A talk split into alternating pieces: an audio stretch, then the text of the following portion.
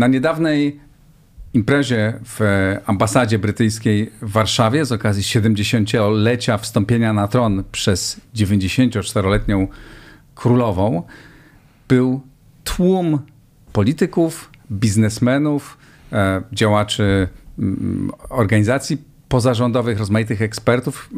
Miałem przyjemność tam być i dawno nie widziałem na jakiejkolwiek ambasadzie tak licznej obecności gości. Mówię o tym, bo to pokazuje, jak e, istotne stały się relacje polsko-brytyjskie, jak nasze kraje zbliżyły się i dzisiaj o tym, e, o roli Wielkiej Brytanii e, w polskiej polityce, w polskiej polityce międzynarodowej będę rozmawiać w układzie otwartym. Zanim zaczniemy rozmowę, jak zawsze serdeczne podziękowania tym wszystkim, bez których ten program nie mógłby się odbywać. Poznajcie Państwo kilkoro z nich. Marta Kozak-Gołębiowska, Michał Marczak, Bartek Jakubowski, Mietek Pawlukiewicz. Bardzo serdecznie dziękuję Wam i wszystkim pozostałym. Zachęcam do dołączenia do tego grona na moim profilu, poprzez mój profil w serwisie patronite.pl. I zaczynamy rozmowę.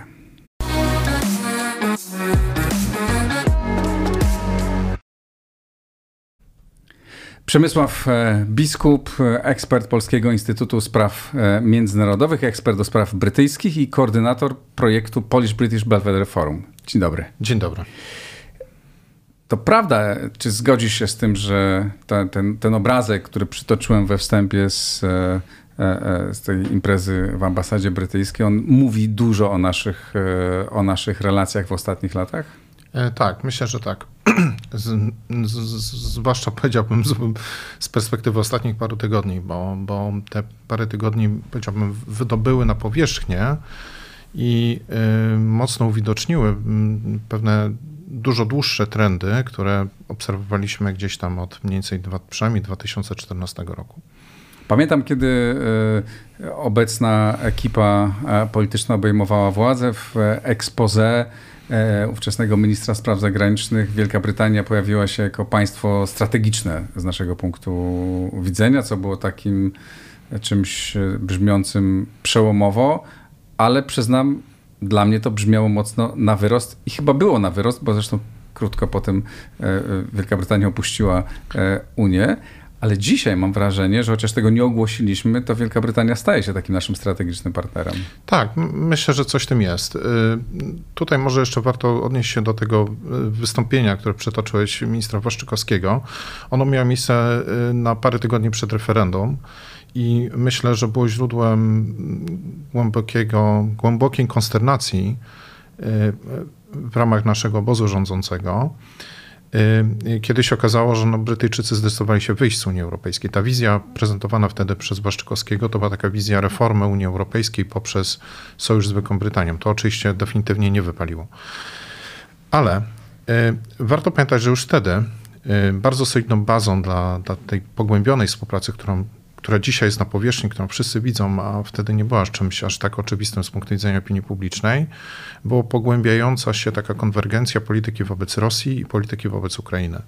I tutaj Brytyjczycy dosyć konkretnie byli już zaangażowani w te kwestie od mniej więcej 2014-2015 roku, czyli można powiedzieć, że przynajmniej po stronie brytyjskiej, ale myślę, że też po polskiej, e, ten moment przełomu to była inwazja Krymu. Mhm. No ale rozumiem, że drugim ważnym e, e, elementem no była też e, była też narastająca przez lata emigracja najzdolniejszej części naszych, naszych młodych elit, które po prostu uciekały do Wielkiej Brytanii, tam osiadły i stanowią no, dużą część również już tak. elektoratu brytyjskiego. E, tak, z całą pewnością to jest bardzo istotne i, i zwłaszcza ten upływ dekady między mm, przystąpieniem do Unii i mniej więcej 2014, 15, 16 rokiem e, kiedy okazało się, że e, dla uważnych obserwatorów, że to, co wszyscy na pewno w pewnym wieku mamy przyjaciół, którzy pojechali do Anglii tam popracować na wakacje jako studenci i nagle się okazywało, że większość z nich tam zostawała. I ten upływ tej, tej dekady po przystąpieniu do Unii Europejskiej to jest mniej więcej ten moment, kiedy e, wiele osób w Wielkiej Brytanii w Polsce zdaje sobie sprawę, że to zaczyna być stały element rzeczywiście stosunków między naszymi dwoma państwami, dlatego że ci ludzie tam zostaną będą zapuszczali korzenie. To był ten moment, kiedy na przykład bardzo dużo dzieci polskich trafiało do szkół brytyjskich. Taki, taki moment przełomu pod tym względem. A wiadomo, że jeśli ktoś się decyduje posłać już dziecko w pewnym systemie szkolnym, to, no to, to uwarunkowuje mnóstwo innych ważnych decyzji życiowych. A potem następowały kredyty hipoteczne, zakup Absolutnie. mieszkań tak, i to już tak. jest związanie praktycznie, to już żeby wyrwać kogoś stamtąd, to trzeba mieć naprawdę dzisiaj mamy, argument. Y, I warto powiedzieć, że dzisiaj na, jakby z dzisiejszej perspektywy skutkiem tej fali jest na przykład to, że mamy e, takie osoby jak na przykład pani Aga Dychton, która jest w tej chwili wiceburmistrzem miasta Watford. Tak? Mhm. Poprzez zaangażowanie w tą wspólnotę lokalną, zaangażowanie w politykę brytyjską, dochodzimy do momentu, kiedy zaczynamy mieć Polaków urodzonych w Polsce, którzy wyjechali stosunkowo można powiedzieć, późno do Wielkiej Brytanii, ale oni już wchodzą w pełen ten obieg życia publicznego. Powiedzmy sobie jasne, dla Polski był to proces bardzo niekorzystny, bo traciliśmy tą lepszą część, znaczy tą lepszą, tą, przepraszam, lepiej wykształconą, bardziej przedsiębiorczą, tą zdolną bardziej do tego, mobilną. żeby gdzieś pojechać, mobilną, e, czyli tą, która będzie zakładać firmy, która będzie robić kariery. Nie robi ich tutaj, y, tylko, tylko robi tam. A dla Wielkiej Brytanii to oczywiście zysk, no bo dostała e, nie niewykwalifikowanych e, robotników, którzy pewnie też e, tam trafiali, ale tą, no właśnie dokładnie tą, tą, tą część społeczeństwa, o których mówiliśmy. Nie możemy mieć pretensje do Brytolii o to, no bo tak, tak samo przyjmujemy dzisiaj Białorusinów, Ukraińców i też robimy programy rozmaite, żeby tych najlepszych przyjąć. Taka jest brutalna rzeczywistość. Dobra, tak. ale teraz co z tego, jakby wynika dla naszych relacji. Gdzie, są, gdzie ta współpraca realnie jest najsilniejsza i najważniejsza między naszymi państwami? To, to zacznijmy od czegoś, co jest najbardziej wymierne. 120 miliardów złotych obrotów gospodarczych w 2020 roku, który można powiedzieć był ostatnim rokiem, za który mamy jednocześnie pełne statystyki i był jeszcze w miarę normalny. Mimo, że w roku poprzednim nawet te wyniki były odrobinę lepsze bo rok 2020 to oczywiście już rok y, pandemii mhm. i ostatecznie finalizacji Brexitu. Co z tego zostało? Y, y, po Brexicie i po pandemii to jest dobre pytanie, ale niestety nie mamy na razie jeszcze wiarygodnych, takich całościowych danych, które ilustrowałyby pełen trend. Mhm.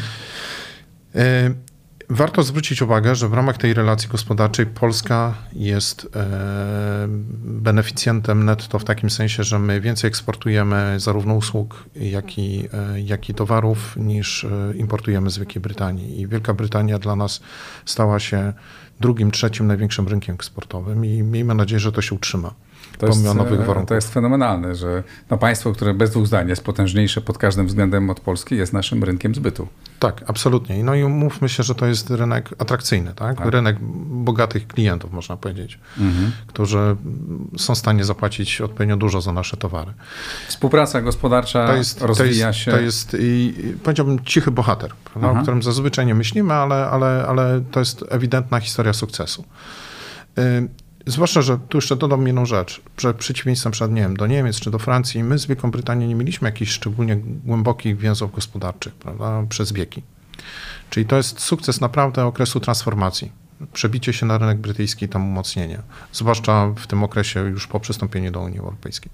Y, drugi... A jeszcze mogę przy gospodarce, na ile myśmy czy w ogóle skorzystaliśmy w jakikolwiek sposób na czymś, co zakładaliśmy, że wszyscy tracą, czyli na Brexicie? No mówiło się o tym, że e, brytyjskie instytucje finansowe E, czy firmy, które, które są osadzone, e, nie tylko brytyjskie, w Londynie będą przenosić się do innych miejsc w Unii Europejskiej i że Polska jest takim niezłym lądowiskiem, może być takim e, niezłym lądowiskiem. Za wcześnie chyba, żeby jeszcze powiedzieć. Jeżeli chodzi w ogóle o sektor finansowy, ten najbardziej, można powiedzieć, atrakcyjny kawałek tego tortu, który miał się przenieść, to po prostu nie nastąpiło. Mhm.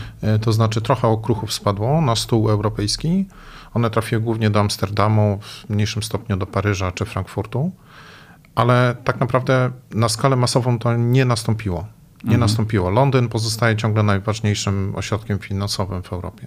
Czyli w ogóle Jeż... być może to jakby nasze takie czarnowictwo dla Wielkiej Brytanii, że to będzie wielka katastrofa, że Wielka Brytania będzie się staczać, że gospodarka wpadnie w gigantyczne tarapaty. Na początku były rozmaite wstrząsy, a jak to z dzisiejszej perspektywy wygląda? Całkiem normalnie trzeba powiedzieć. E, oczywiście, e, jeżeli spojrzymy na różne prognozy, to były takie bardzo polityczne, publikowane na przykład, żeby wpłynąć na wynik referendum, czy później na wynik negocjacji.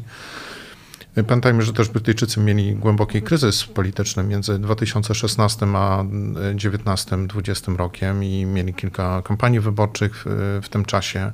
Więc bardzo dużo z tych, tych publikowanych wtedy prognoz miał taki charakter bardzo użytkowy w kontekście kampanijnym. Ale jeżeli byśmy spojrzeli na te najbardziej neutralne, takie najbardziej analityczne, jeżeli tak mogę powiedzieć, to one raczej mówiły o tym, że nie tyle nastąpi regres gospodarczy w Wielkiej Brytanii, tylko osłabnie e, tempo e, rozwoju i to w skali dekady, dwóch ma dać kilka punktów e, procentowych PKB brytyjskiego, więc moim zdaniem ten wynik wciąż jest jak najbardziej możliwy. Chociaż znowu, ciągle jest trochę za wcześnie, żeby to jednoznacznie ocenić. Jest natomiast natomiast y, te, te, te scenariusze, na przykład y, przed referendum kreślone przez ówczesnego ministra finansów Wielkiej Brytanii, George'a Osborna, one zdecydowanie się nie, nie spełniły. Znaczy te czarne scenariusze. Tak, tak, tak. Typu tam, nie wiem, pół milion, y, przerost półmilionowy czy milionowy bezrobocia, ogromna właśnie wyprowadzka firm i tak dalej. Właśnie pamiętam tą nieprawdopodobną e, histerię, która była E, w całej Europie, u nas również. E, że sam jakby byłem jej częścią, może nie, sam się bardzo tym nie zajmowałem, więc nie miałem takiej szansy histeryzować, ale miałem przekonanie i było dość powszechne przekonanie, że no, Unia na tym to nie jest korzystne dla Polski, że, że Wielka Brytania wychodzi, ale że Wielka Brytania po prostu pogrąży się w jakimś totalnym kryzysie, firmy będą upadać, wy, wyjeżdżać, gospodarka siądzie i że oni w jakąś czarną dziurę e, wpadają. Rozumiem, że to... Nie, to, to nie nastąpiło. To, to nie nastąpiło. E, jeżeli chodzi o kryzys polityczny po stronie brytyjskiej, to to jest, e, myślę, nieco bardziej otwarta kwestia, dlatego że pamiętajmy, że o ile w takim, można powiedzieć, mainstreamie polityki brytyjskiej, w ścisłym tego znaczenia, to się, ta kwestia została rozstrzygnięta wyborami w 2019 roku, o tyle na tak zwanym Celtic Fringe, czyli na wśród mniejszych narodów skupionych w Zjednoczonym Królestwie, Szkotów, Walijczyków, zwłaszcza Irlandii Północnej, to jest ciągle bardzo taka, można powiedzieć, będąca przedmiotem dużej debaty i napięć i kampanii y, kwestia. No i jak wiemy, na przykład Szkoci ciągle, jakby y, szkoccy nacjonaliści ciągle formułują postulaty w związku z tym referendum niepodległościowego. W Irlandii Północnej mamy ciągłe targi między Unią Europejską a Wielką Brytanią o ostateczny kształt tego, jak tam Brexit ma funkcjonować i tak dalej. Ale rozumiem, że przeciętny Brytyjczyk Absolut... nic specjalnego nie, nie zauważa. Ta, ta, ta, ta kwestia już zeszła jakby z e, pierwszego frontu, e, frontu debat politycznych. Czyli też szanse na to, że wróci debata, czy nie zrobić E, re e, exit, znaczy re wejścia do Unii Europejskiej raczej nie ma e, Wydaje nie mi się, że w ciągu, w, w ciągu najbliższej dekady, dwóch raczej nie. Później zobaczymy. To oczywiście zależy też od tego, czym w międzyczasie stanie się Unia Europejska. A. A no dobrze, wróćmy do relacji polsko-brytyjskich, bo o tym mieliśmy więc, pogadać. Co są więc tak? Rozumiem, że współpraca gospodarcza, tak? Tak. Y, kolejny filar to oczywiście obywatele, o których już wspominaliśmy.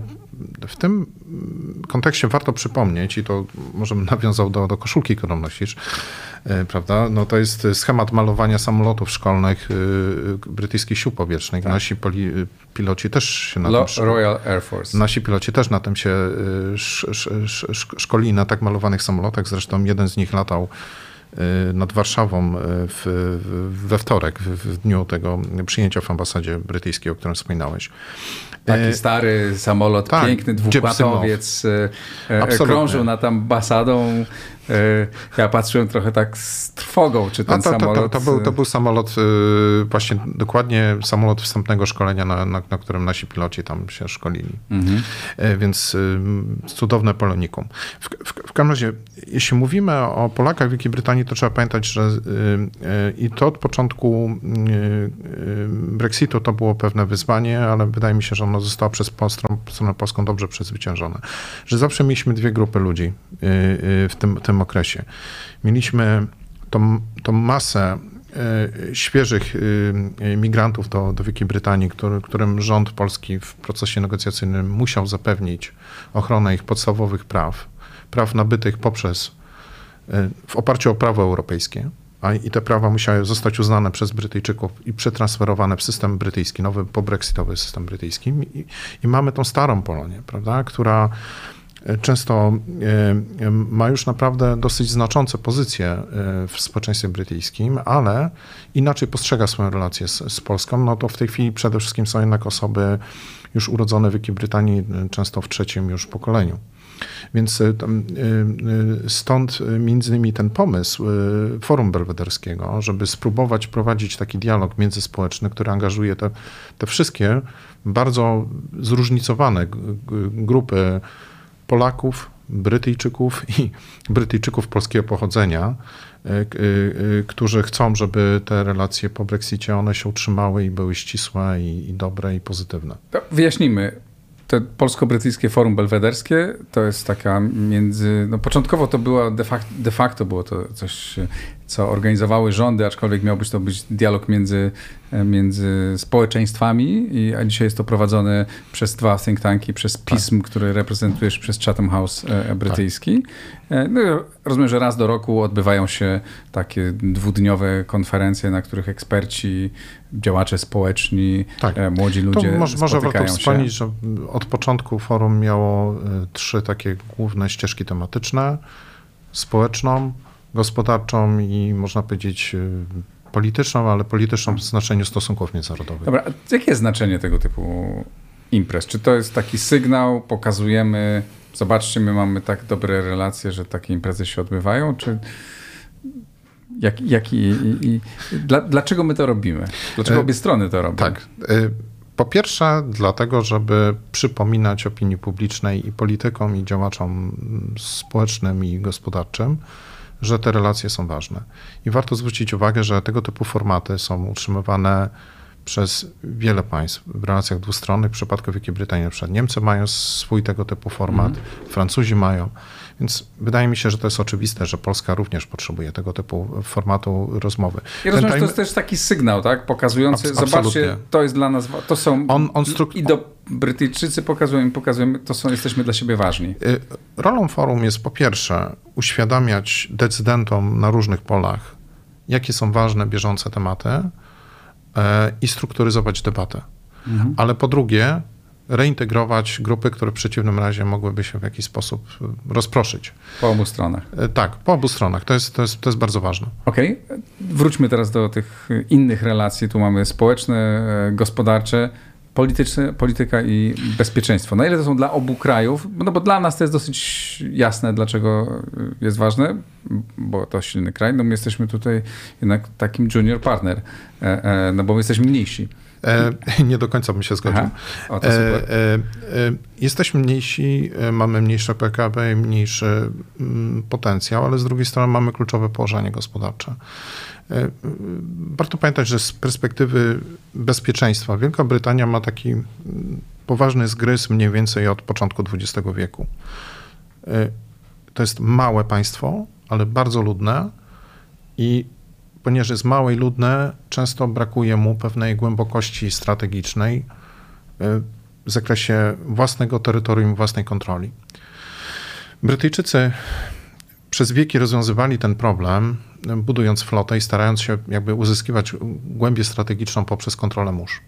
Mhm. Ale od początku XX wieku to się stawało coraz mniej efektywnym narzędziem dlatego że pojawiła się naprawdę bardzo dalekosiężna artyleria, później samoloty. Y, jak y, Louis Blériot, francuski pilot, przyleciał pierwszy raz samolotem kanał La Manche w 1909 roku, to wtedy prasa brytyjska ogłosiła, że no właśnie Wielka Brytania już przestała być wyspą.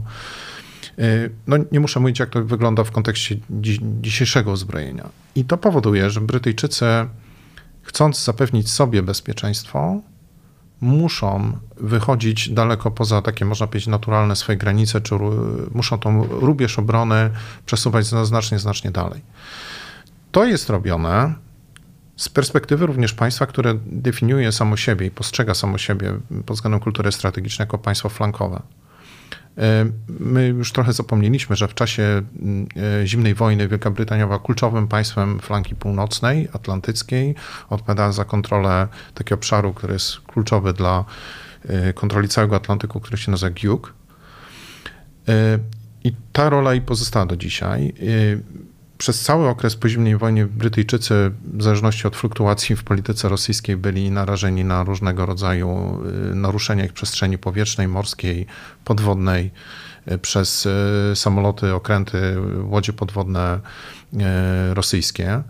I to powoduje, że Wielka Brytania ma naprawdę stosunkowo wysoki poziom zbieżności swojej własnej percepcji bezpieczeństwa mhm. z państwami flanki wschodniej. No a w obecnej sytuacji? I to się bardzo e, nasiliło w 2014 roku. Mhm. Bardzo to się nasiliło. A z ich perspektywy, momentem takim już, kiedy naprawdę wszystkie dzwonki alarmowe się rozdzwoniły, no to był rok 2018 i próba otrucia rodziny Skrypali przy pomocy y, y, gazu bojowego Nowiczok. No tak? i to, co teraz się, to, co teraz się dzieje. Pojawiła się taka e, koncepcja e, na początku, po wybuchu wojny, po rozpoczęciu agresji e, rosyjskiej, to z Londynu chyba była taka inspirowana. Budujmy tu jakąś taką alians e, brytyjsko-ukraińsko-polski. Czy to było coś poważnego, bo to przestało się o tym mówić. Co za tym stało i co się z tym dzieje? No właśnie, to jest bardzo interesująca kwestia. E, e, tu może warto wspomnieć o jednej rzeczy. Brytyjczycy z, pośród dużych państw natowskich byli, byli chyba najważniejszym państwem, które zaczął inwestować w podnoszenie zdolności obronnych Ukrainy na bardzo wczesnym etapie, czyli nie, od 2014 roku. Od 2015 tam była stała misja szkoleniowa Orbital, która przeszkoliła ponad 20 tysięcy żołnierzy ukraińskich i efekty tego widzimy na polu bitwy dzisiaj. W okresie, kiedy wywiady amerykański, brytyjski gdzieś tam od końca zeszłego roku, od jesieni zaczęły formułować prognozy, że ta wojna wybuchnie, Brytyjczycy zaczęli bardzo intensywne dostawy uzbrojenia, między innymi e, pociski przeciwpancerne Javelin i Enlo. I ale pamiętajmy, że w tym etapie mniej więcej od października, listopada ubiegłego roku do lutego był taki moment wyczekiwania, czy uda się z środkami dyplomatycznymi zawiesić tak. tą, tą, tą groźbę się. wojny, czy się nie uda. No i na fali tego mieliśmy do czynienia z inicjatywą, w którą zaangażowały się trzy rządy, brytyjski, polski i oczywiście ukraiński które skutkowały podpisaniem takiej deklaracji o pogłębionej współpracy trójstronnej. To nastąpiło 17 lutego i co interesujące, do tej pory w tamtym kontekście to było postrzegane przede wszystkim jako, można powiedzieć, takie ostrzeżenie, że Zachód, przynajmniej część Zachodu się zaangażuje na rzecz obrony Ukrainy, gdyby wybuchła wojna. Natomiast y, z dzisiejszej perspektywy można powiedzieć, że to jest bardzo dobry pomysł, który na razie nie ma swojej inherentnej treści. Tą treść będziemy, y, będziemy wypracować między innymi na forum y, belwederskim, gdzie będzie kilka paneli poświęconych tej tematyce. Mhm. Z, z, punktu widzenia Stanów Zjednoczonych, naszego kluczowego sojusznika, jeśli chodzi o bezpieczeństwo, w Europie no i ciągle takim głównym partnerem były i miały być Niemcy pewnie ciągle są, mimo tych wszystkich e, kłopotów. E, była grupa ekspertów, która mówiła, że z polskiego punktu widzenia no, idealne byłoby doprowadzenie e, do sytuacji, która również byłaby wygodna dla Amerykanów, żeby powstała taka oś Waszyngton, Berlin, Warszawa. Nie była ona możliwa, no bo relacje Berlina z Warszawą były takie, takie jakie były. Czy dzisiaj jest tak, że rola Berlina może spadać ze względu na ich no, takie, takie, a nie inne zachowanie w e, kryzysie rosyjskim, a właśnie może wzrosnąć e, rola Wielkiej Brytanii, taka oś może mm, raczej być ważniejsza oś e, Waszyngton, Londyn, Warszawa? Nie chciałbym komentować relacji amerykańsko-niemieckich, czy w ogóle polityki Niemiec. Natomiast jeżeli chodzi o Wielką Brytanię, to wydaje mi się, że tu trzeba trochę przywrócić proporcje. Mhm. Wielka Brytania zawsze była najważniejszym sojusznikiem w dziedzinie bezpieczeństwa w Europie dla Stanów Zjednoczonych. To się właśnie nigdy nie zmieniło. I to, co może sprawiać wrażenie przewartościowania w relacjach e, amerykańsko-europejskich, to znaczy to przesunięcie, o którym mówiłeś z Niemiec na Wielką Brytanię, to moim zdaniem przede wszystkim jest skutek tego, że sama e, rola czy waga tematyki bezpieczeństwa radykalnie zmieniła swoją wycenę w tym, w tym koszyku. Tak. Prawda? Znaczy jakby w, w tej chwili kwestie bezpieczeństwa stały się tematem numer jeden i to powoduje w naturalny sposób, że od razu w punkcie startu pozycja Wielkiej Brytanii jest dużo ważniejsza, bo to po prostu zawsze był partner numer jeden pod względem bezpieczeństwa. Co rozumiem również wpływa na postrzeganie Ale, Polski pozytywnie a, jako partnera Absolutnie, tak. Moim zdaniem tak. Ale jeszcze po drugie, i to warto o tym wspomnieć, dochodzi do tego kwestia woli politycznej. I y, jeżeli chodzi o Wielką Brytanię, to co chciałbym podkreślić, to to, że to jest państwo znane z tego, że y, ma zdolność y, realnego używania swoich sił zbrojnych. Mhm i jest tam pewien konsens społeczny i y, jest kultura y, y, polityczna, która na to pozwala. No, rozumiem, że również te mm, świadczą o tym paradoksalnie, również te oskarżenia czy komentarze pod adresem Borysa Johnsona, że mówili, że się tak bardzo zaangażował w Ukrainę po to, żeby przykryć swoje imprezowe problemy trudno powiedzieć, czy jest prawdą, czy nie. Niemniej to pokazuje, że można tym przykryć, tak? że to jest dobrze odbierane przez e, e, tak. brytyjskie elity, że to, to jest, było, e, że to był dobry ruch z jego punktu widzenia, to znaczy, że zajmują się poważnymi sprawami. Tak, i to jest bardzo dobra obserwacja, ale z drugiej strony, moim zdaniem, nie można nie wskazać na to, że od 2014 roku, kiedy Brytyjczycy po raz pierwszy weszli dosyć głęboko w Ukrainę pod względem bezpieczeństwa, mieliśmy trzech premierów. Tak. Ci ta trójka premierów była bardzo różna. W bardzo wielu sprawach polityki wewnątrz brytyjskiej się kompletnie ze sobą nie zgadzali. Pierwszym z nich był Cameron przecież, e, później Theresa May, teraz Boris Johnson, a mimo to w tym zakresie oni właściwie realizują politykę, która jest, ma bardzo wysoki poziom ciągłości. Na koniec, czy dla nas to jest jasne, że mm, Wielka Brytania jest e, e, ważna, bo jest silnym, dużym krajem, jeszcze do tego myśli o bezpieczeństwie w sposób zbliżony, czy bardzo podobny do, do naszego. Na ile się zmieniła rola Warszawy z perspektywy Londynu w ostatnich 10 latach czy paru latach? E, myślę, że się zmieniła w naprawdę istotny sposób, ale właśnie przede wszystkim przez pryzmat e, polityki bezpieczeństwa. E, wśród konserwatywnych brexiterów, więc osób, które dominowały brytyjską politykę od strony sprawczości tak, w ostatnich latach, myślę, że było, był wysoki poziom takiego zawiedzenia, że Polska nie była takim, w cudzysłowie, koniem trojańskim mm. po stronie Unii Europejskiej e, w trakcie negocjacji. Tutaj trzeba podkreślić, że Polska była bardzo lojalnym członkiem drużyny Unii Europejskiej tak. w negocjacjach. I zresztą z punktu widzenia naszych interesów narodowych, moim zdaniem, nie mogło być inaczej. Y, I jakby rezultat tych negocjacji o tym świadczy, to znaczy bardzo wysoki poziom ochrony obywateli polskich na terenie, terenie Wielkiej Brytanii i tak dalej. To gdzie się mieścimy dzisiaj? Gdzie natomiast, Warszawa się mieści, jakby w której na, lidze, na którym miejscu mniej więcej, w, natomiast, jakby, jeśli chodzi o wagę? Jeżeli e, kwestie bezpieczeństwa zaczynają dominować e, krajobraz europejski, to e, Polska jest z perspektywy brytyjskiej zwornikiem flanki wschodniej, a flanka mhm. wschodnia jest właściwą rubieżą obronną Wielkiej Brytanii. Więc jesteśmy państwem kluczowym i to zresztą o tym świadczą decyzje nawet podejmowane w pierwszych dniach e, wojny. Zwróćmy uwagę. Od razu... Czy to się przekłada również na, jesteśmy, powiedziałbyś, że jesteśmy państwem kluczowym z punktu widzenia politycznego, tak szeroko rozumianego? E, Wydaje mi się, że nasza pozycja wzrosła. Natomiast y, jak to wygląda z perspektywy brytyjskiej, e, trudno mi to jednoznacznie ocenić. Warto wspomnieć, że e, może inaczej. Jeżeli byśmy sięgnęli do podstawowego dokumentu strategicznego, przeglądu strategicznego z zeszłego roku, to Polska jest jednym z państw, które są tam wprost wymienione samodzielnie. Jest nazwana kluczowym partnerem w dziedzinie bezpieczeństwa europejskiego, natomiast jest wymieniona tylko dwa czy trzy razy.